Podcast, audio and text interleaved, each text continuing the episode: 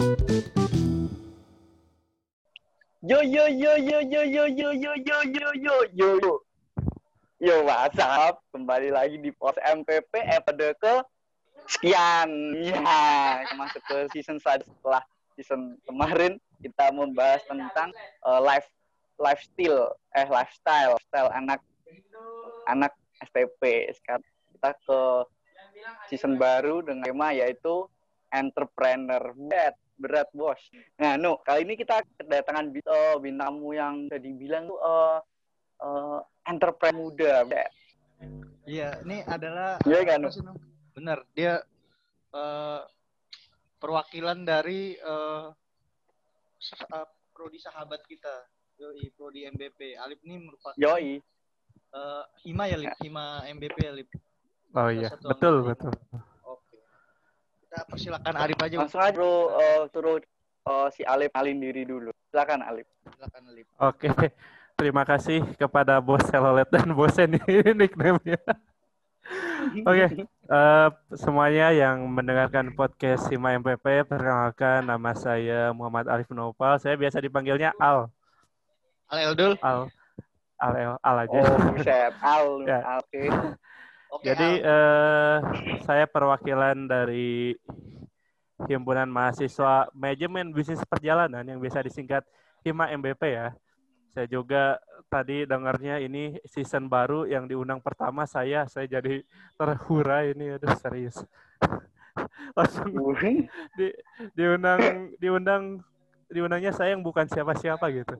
Makanya sedikit berat ini topik. Jangan begitu.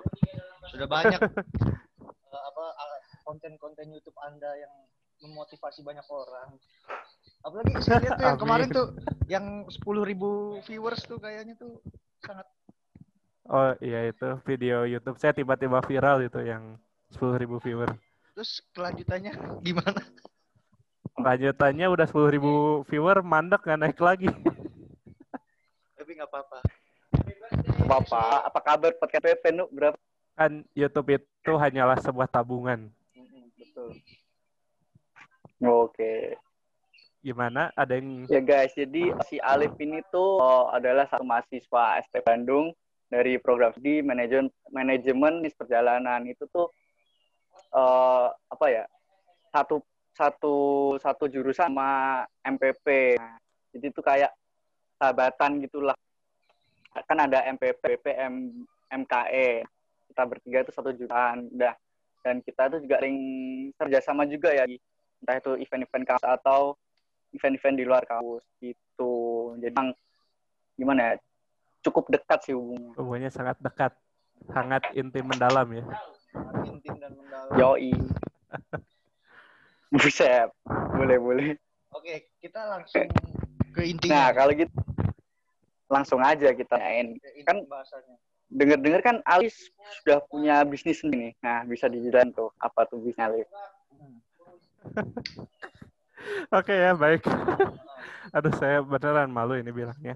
Jadi eh, yang pertama saya mau bilang dulu kalau sebenarnya posisi saya tuh saya punya uh, travel ya, tapi maksudnya travelnya belum ke jenjang lebih serius. Aduh, soalnya fals lagi.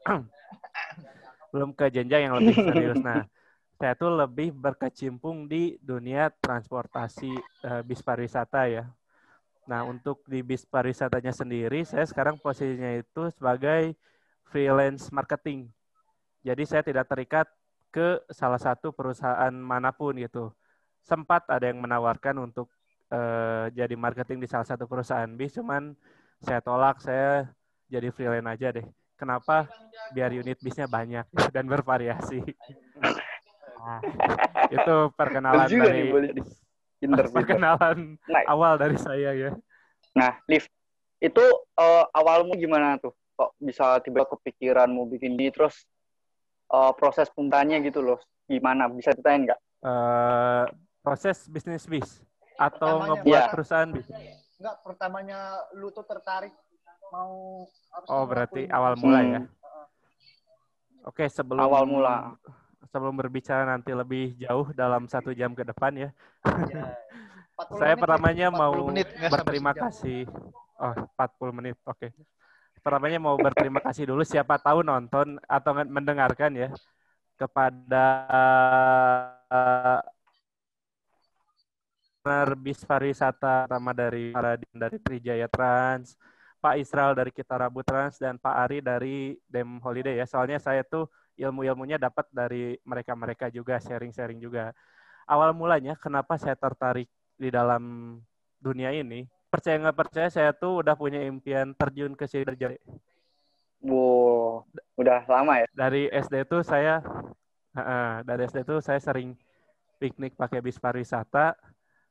Ter terus uh, karena sering piknik pakai bis itu jadi seneng gitu ngelihat driver nyetir, ngelihat pokoknya kalau ngelihat bis-bis bagus tuh jadi, aduh, udah gedenya pengen punya bis. Hmm. Harapannya semuanya berlanjut nih sampai SMP, SMP ini nggak sombong ya, ini kan nyeritain dari awal banget ya. Jadi pas SMP lulus sebenarnya saya tuh punya name yang bisa dibilang bagus. Hmm. Tapi saya memutuskan untuk masuk ke salah satu SMK pariwisata di Kota Bandung. Jurusannya usaha perjalanan wisata.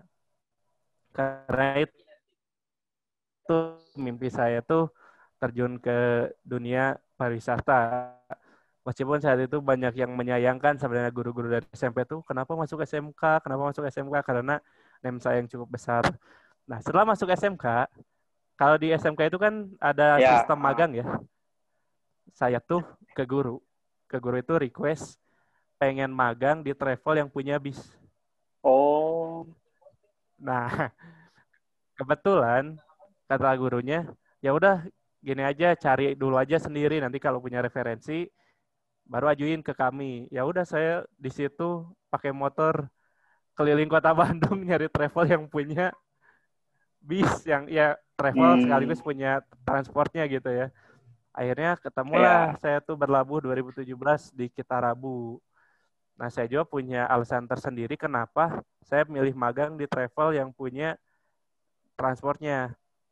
Karena untuk magang sendiri kan magangnya di musim low season ya, bukan di high season ya. otomatis berdasarkan sharing dan kakak tingkat sebelumnya itu di travel tuh enak katanya kalau magang tuh diem nonton film soalnya jarang ada tamu nah kalau saya tuh oh nggak bisa kalau di travel sekarang tiga bulan diem terus diem terus. Akhirnya saya milih yang ada bisnya kenapa? Karena meskipun dunia travel paket wisata sepi bis itu pasti selalu jalan tiap bulannya tuh.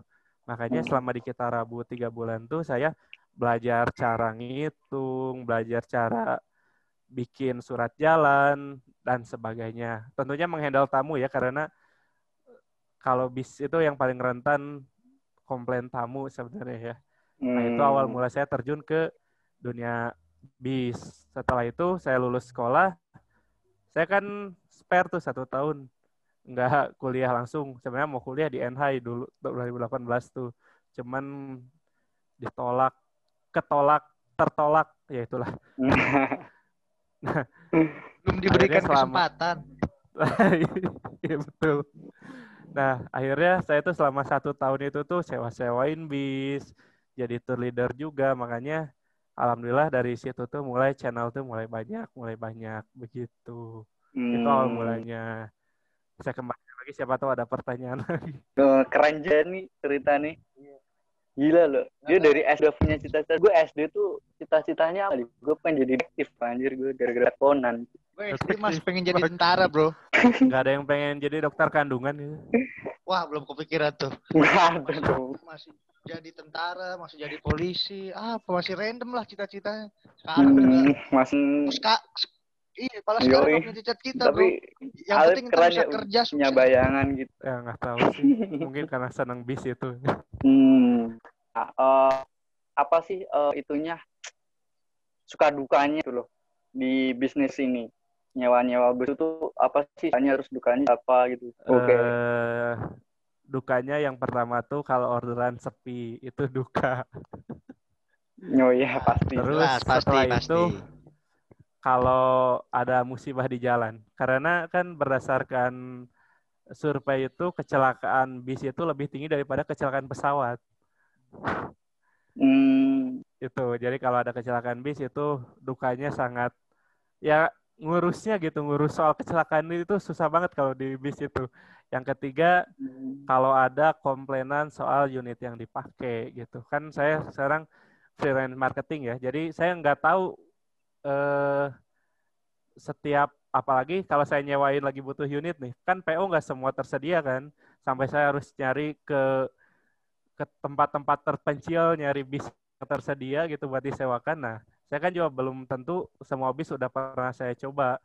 Jadi jatuh takutnya ada komplain misalkan dari krunya yang kurang ramah AC bocor ataupun apalagi mogok gitu ya. Meskipun sebenarnya kalau mogok itu kan itu bukan kehendak kami ya. Soalnya takdir ya kalau mogok tuh sebagus apa pun bis kalau Ya. emang takdirnya udah mogok ya mogok gitu itu dukanya saya masuk yang kesenang-senang nih Nah, iya. Yang enak-enak. Ya. Yang enak-enak. senangnya yang pertama merasa jadi kita lebih aware sama bis yang kita sewakan. Jadi kalau saya misalkan mau sewain bis, misalkan ke MPP nih saya sewain bis, saya tuh pasti aware milih unitnya yang mana. Kadang saya ke garasinya dulu ngecek unitnya, oh ini normal kalau ada kursi goyang dikit, ya saya minta ke kru atau mekaniknya benerin seperti itu. Itu yang pertama. Yang kedua, orderan melimpah, hati pun senang. Yo, pasti sih itu. Pasti kalau itu. Cuan masuk cuan. Iya itu. Dan yang ketiganya, eh saya jadi punya banyak channel. Itu yang paling utama. Hmm. Saya jadi kenal sama owner dari PO bis ini, saya kenal owner dari perusahaan ini, ini, ini. Jadi terkoneksi begitu.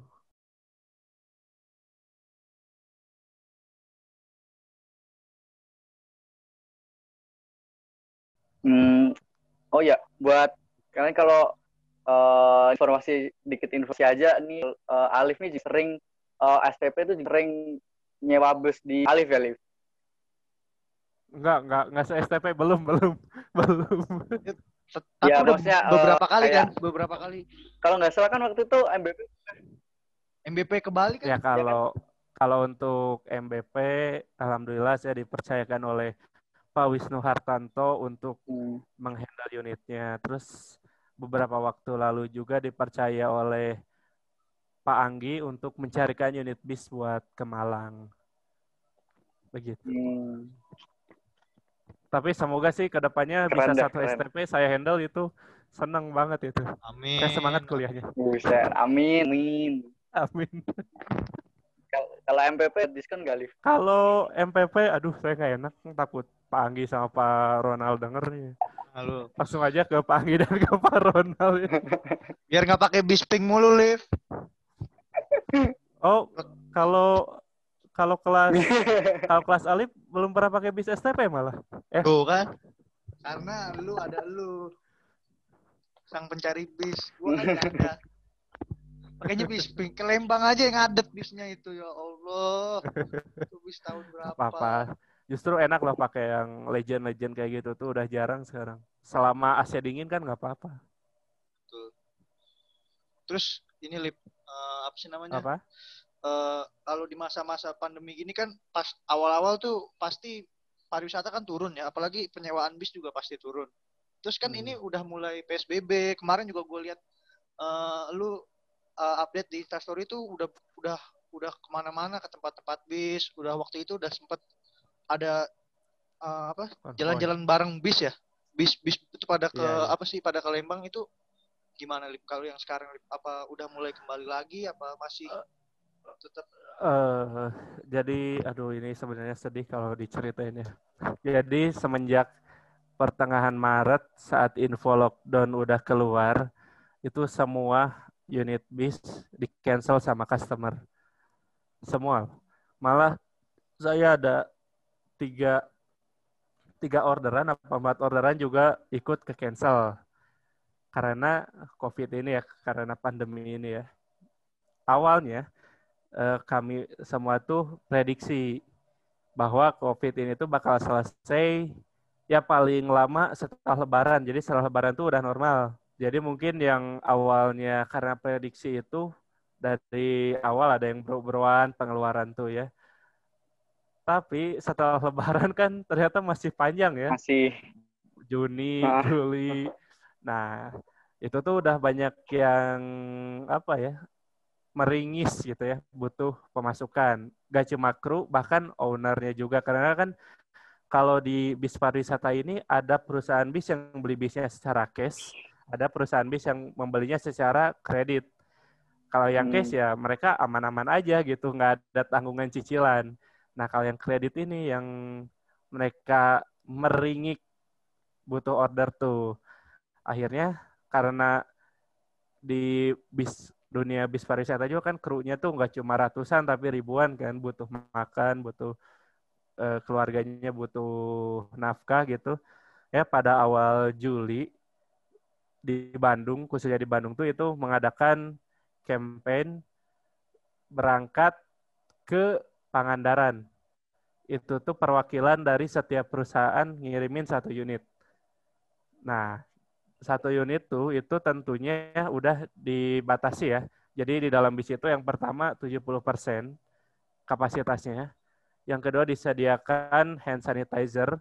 Yang ketiga disediakan termogan. Untuk masker itu bawa masing-masing. Nah, alhamdulillah waktu ke Pangandaran yang pertama itu itu tuh 40 un, 44 unit dari 44 perusahaan yang berangkatnya tuh. Dan alhamdulillah sampai Bandung itu kan, itu kan dibuat open trip ya. Itu di Ya. mana eh, perusahaan-perusahaan bis itu ngelu- ngejual dengan harga yang murah-murah. Kenapa?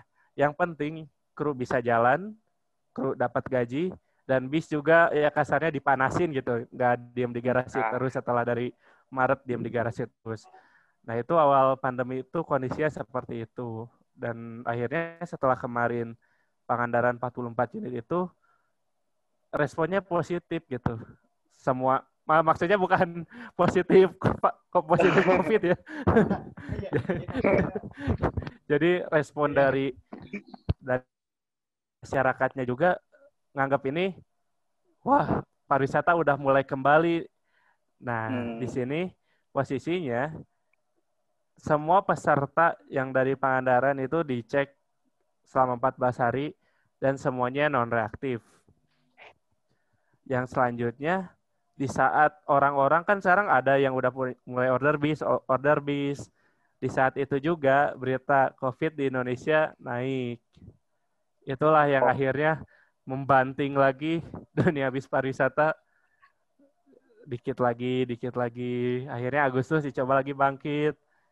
Ada kemarin eh itu awal September ya yang berita tsunami itu ya. Ya, iya. Tsunami 20 meter.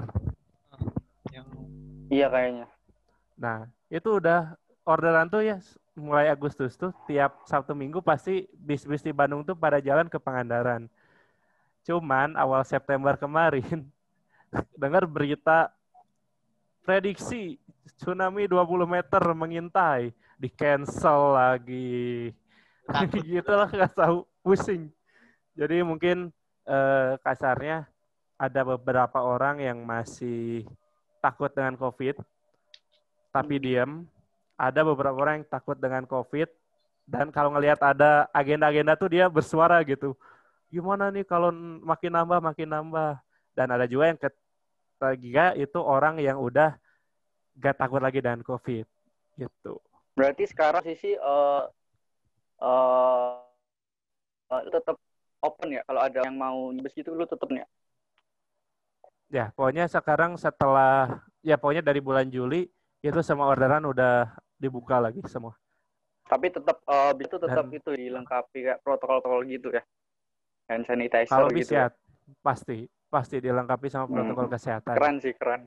tadi lu bilang tuh eh, sempat turun naik turun naik.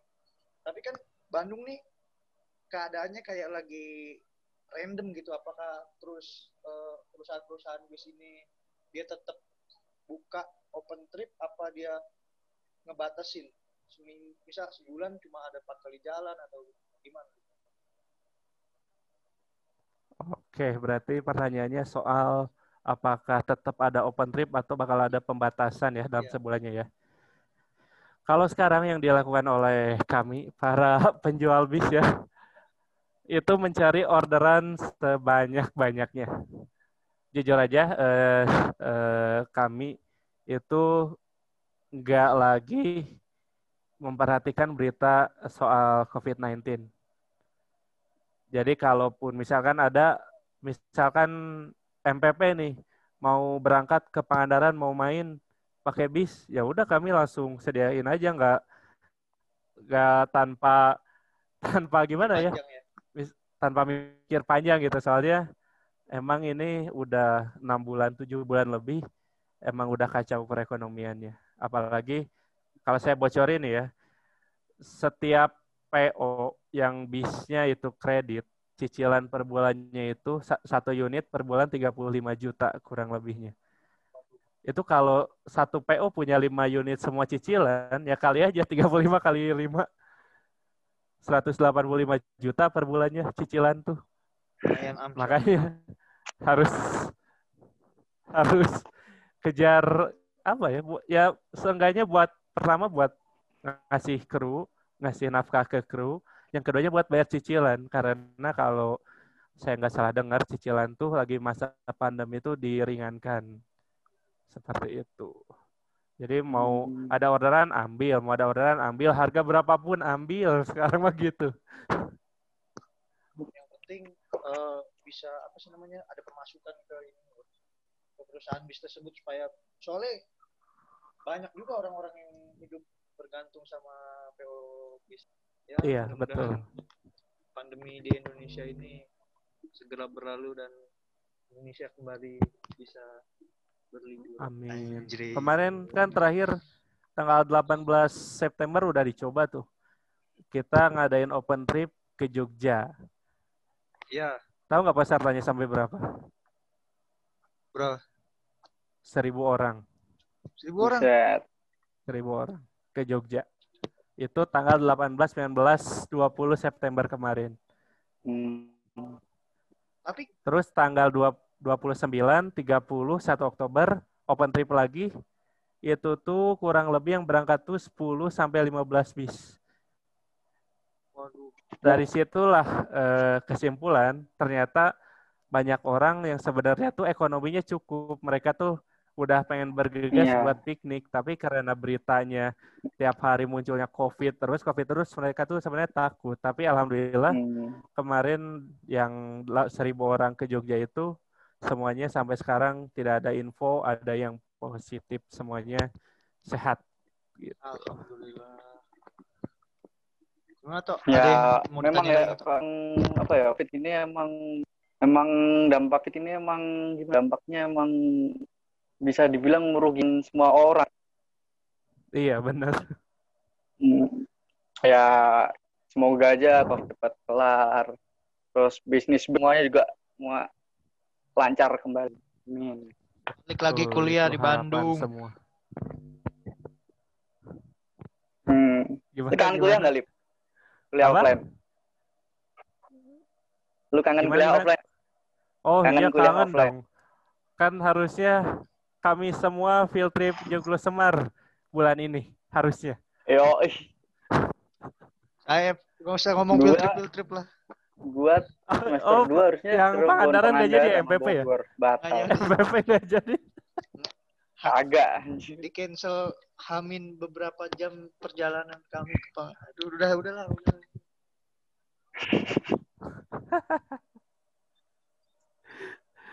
Ya untung ada- ada- kami semua apa? Udah, udah jalan ya. Kalian semua udah udah field trip ya. Ya untung kami semua kemarin sempat field trip bahkan sampai kakak tingkat kami pun sempat field trip ke Bali. Anjir. Mudah-mudahan, mudah-mudahan nih Bali nih harusnya ya. Bali nih kita harus. Oh harus dong itu. Haruslah bareng-bareng, Bos. Apakah kita Grand Tour atau masing-masing nih Bali? Grand Tour dong harusnya kan komplit. Harusnya kan Grand Tour. Kan kita komplit. Iya. Hmm. Iya ya harusnya Grand Tour ya. Empat unit bis berarti ya. 4 unit. Kan ya K360 ya. Ya kalau MPP sih bisa nggak tahu gitu bisnya siapa. Sebenarnya MPP juga nggak tahu apakah saya masih dipercaya atau enggak gitu bulan bulan Maret ya berarti rencana. Kalau kita lihat dari tahun-tahun sebelumnya. Kira-kira bulan Maret. Oh, iya nggak sih? Iya iya. Hmm. Ya Februari atau Maret berarti ya. Oke. Selanjutnya klip. Eh, lu cara ngebangun bisnisnya itu gimana sih? Mulainya dari awal tuh gimana sebenarnya? Berarti mungkin ini saya ngejelasinnya point of view-nya saya owner ya. Hmm, benar sebagai Hmm. oh, oh, iya nggak apa-apa nggak apa-apa supaya orang tuh lebih gampang Ini kalau ada yang komen ngehujat langsung aja DM. langsung DM tuh ke Muhammad Kalau kalau ada yang salah-salah boleh lah. Misalkan ada yang lebih tahu langsung DM aja koreksi nggak apa-apa. apa Eh, sebenarnya ngebangun bisnis bis pariwisata itu gampang-gampang susah. Yang pertama harus dibutuhin itu pertama uang. Kalau bisnis par eh bisnis bis, kalau punya perusahaan bis pariwisata itu kan otomatis harus punya PT ya. Mm. Nah, syaratnya kalau buat PT itu bis pariwisata minimal harus punya 5 unit bis mau bis kecil mau bis besar yang penting harus lima aja nanti kalau udah punya lima itu baru bisa dibuatkan PT bis pariwisata sekarang kita cari modalnya. Nah tadi yang pernah saya bilang ada yang cash ada yang kredit. Kalau kita kredit kita bisa ambil ke leasing. Yang tadi yang Hmm. nantinya itu cicilan per bulannya kurang lebih 35 juta. Itu yang biasanya sama PO-PO dipakai tuh ya yang segituan. Yang mungkin uang mukanya itu sekitar 800 sampai 1 miliar mungkin. Soalnya satu harga bis standar pariwisata itu harganya 1,7 miliar. Satu unitnya itu bis gede. Itu udah termasuk Oh. ke karoseri apa baru sasis doang? Enggak. itu udah semua. Jadi Oh. harga sasisnya itu kurang lebih 900 jutaan sampai 1 miliar harga bodinya baru 800 juta. Apa kebalik ya harga bodi 1 miliar? Ya kira-kira gitulah ya. 800 ya kira-kira gitu ya.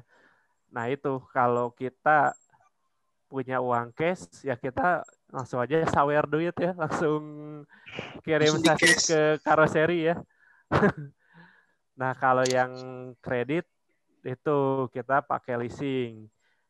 Bagusnya yang kredit itu kita dari yang nggak punya uang jadi bisa punya aset. Kita kan asalnya modal kita minjem uang kan berarti ke leasing kan.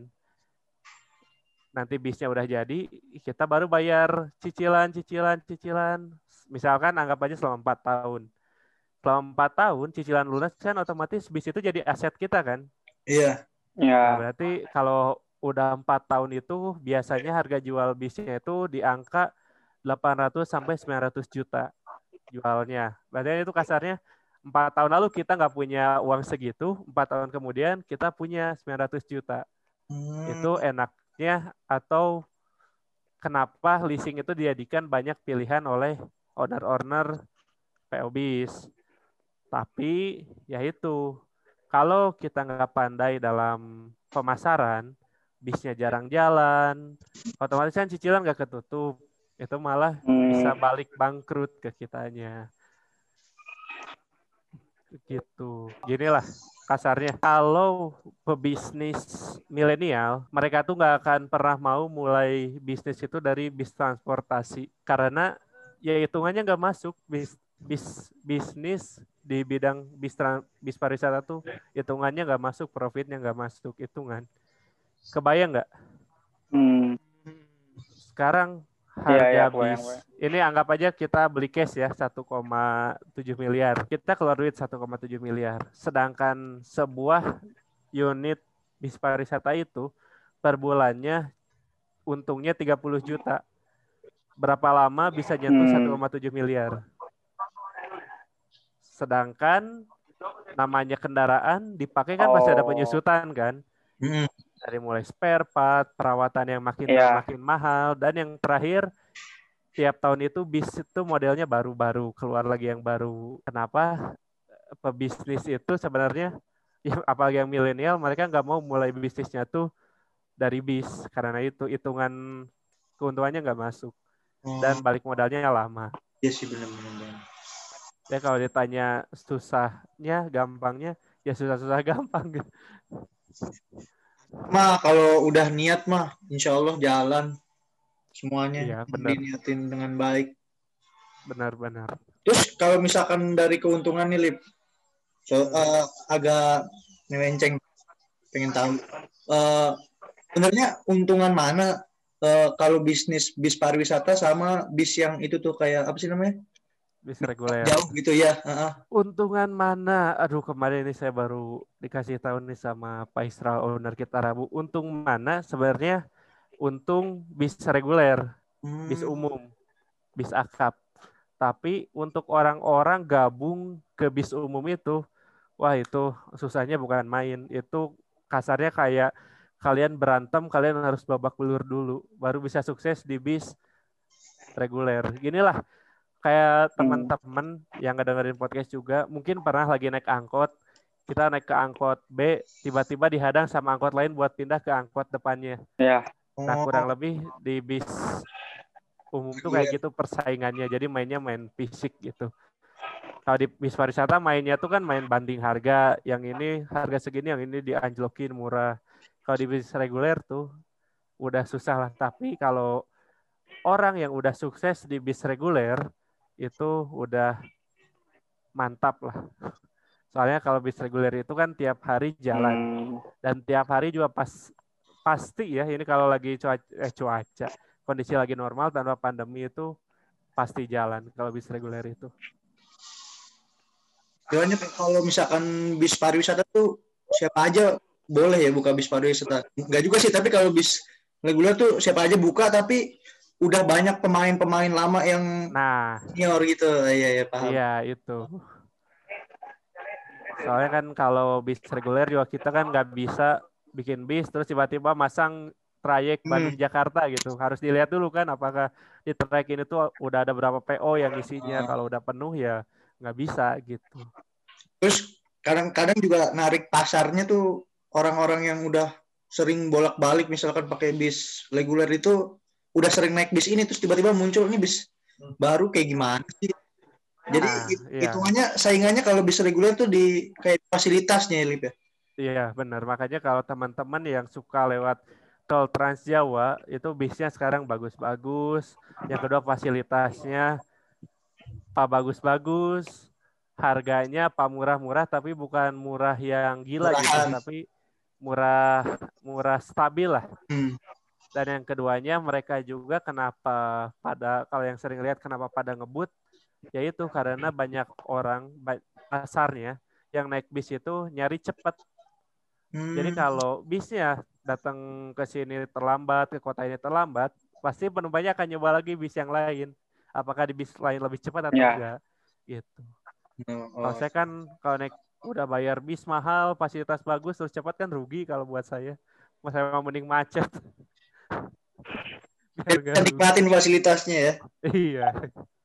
Bener bener bener. Oke lah. Tuh. Ada lagi toh yang mau ditanyain toh. Mumpung orangnya masih di sini toh.